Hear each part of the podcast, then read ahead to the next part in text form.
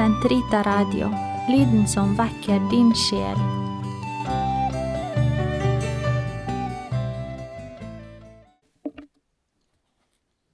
Den katolske kirkes katekisme, uke åtte, torsdag, paragraf 1166 til 1173. Herrens dag.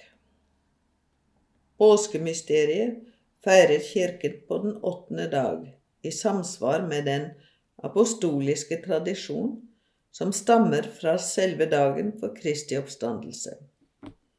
Denne dag, søndagen, kalles da med rette Herrens dag. Dagen for Kristi oppstandelse er på samme tid ukens første dag, til minne om skapelsens første dag, og den åttende dag, da Kristus etter sin store sabbatshvile innleder den dagen som Herren har skapt, den dag som ingen nedgang kjenner. Herrens nattverd er dens midtpunkt. For her møter de troendes menighet den oppstandende Herre, som byr dem inn til sitt festmåltid. Herrens dag, oppstandelsens dag, de kristnes dag, er vår dag. Det er derfor den kalles Herrens dag, for det var på den dag Herren dro seierrik opp til Faderen. Når hedningene kaller den solens dag, da sier vi oss med glede enig, for i dag demrer jordens lys. I dag steg rettferdssol opp, og den stråler, bringer oss frelse. Søndagen er fremfor noen dagen for liturgisk samling, den dag de troende kommer sammen for å høre Guds, Guds ord og ta del i Eukaristien og derved feire minnet om Herren Jesu lidelse, oppstandelse og herlighet, og takke Gud som har gjenfødt dem til et levende håp ved Jesu Kristi oppstandelse fra de døde.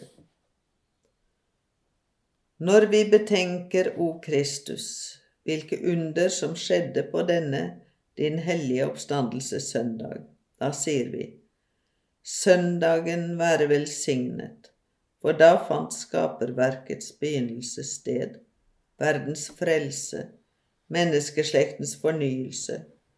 På den dag frydet himmel og jord seg, og hele universet fyltes av lys. Søndagen være velsignet, for da ble paradisets porter åpnet for at Adam og alle forviste kunne tre inn uten frykt. Det liturgiske år. Ut fra påskens triduum fyller oppstandelsens nye tid hele det liturgiske år med sin klarhet, som ut fra sin lyskilde. Ut fra denne kilde, sterkere eller svakere, nærmere eller fjernere, forklares året av liturgien. Det er virkelig et nådens år fra Herren.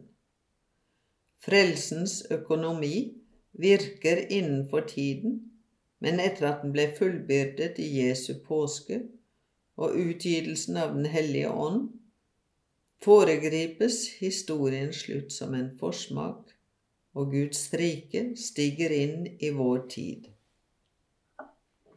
Derfor er påsken ikke én fest blant andre, den er festenes fest, høytidenes høytid, slik eukaristien er sakramentenes sakrament, det store sakrament.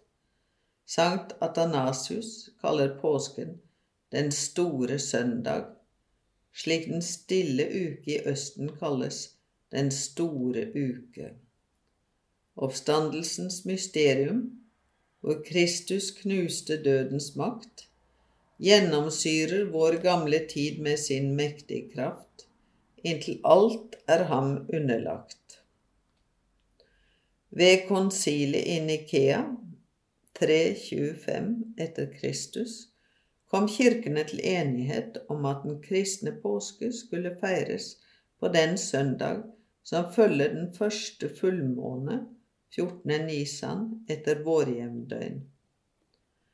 Kalenderreformen i Vesten, kalt den gregorianske etter pave Gregor den 13., i 1582, førte til en forskyvning på flere dager i forhold til den østlige kalender. De vestlige og de østlige kirker forsøker i dag å nå frem til enighet på dette punktet, slik at Herrens oppstandelse på nytt kan feires på samme dato.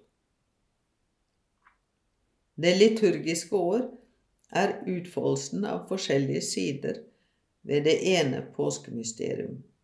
Dette gjelder særlig den festsyklus som dreier seg om inkarnasjonsmysteriet, Herrens bebudelse, jul, epifani, som minnes vår frelses begynnelse, og som meddeler oss førstegrøden av påskemysteriet.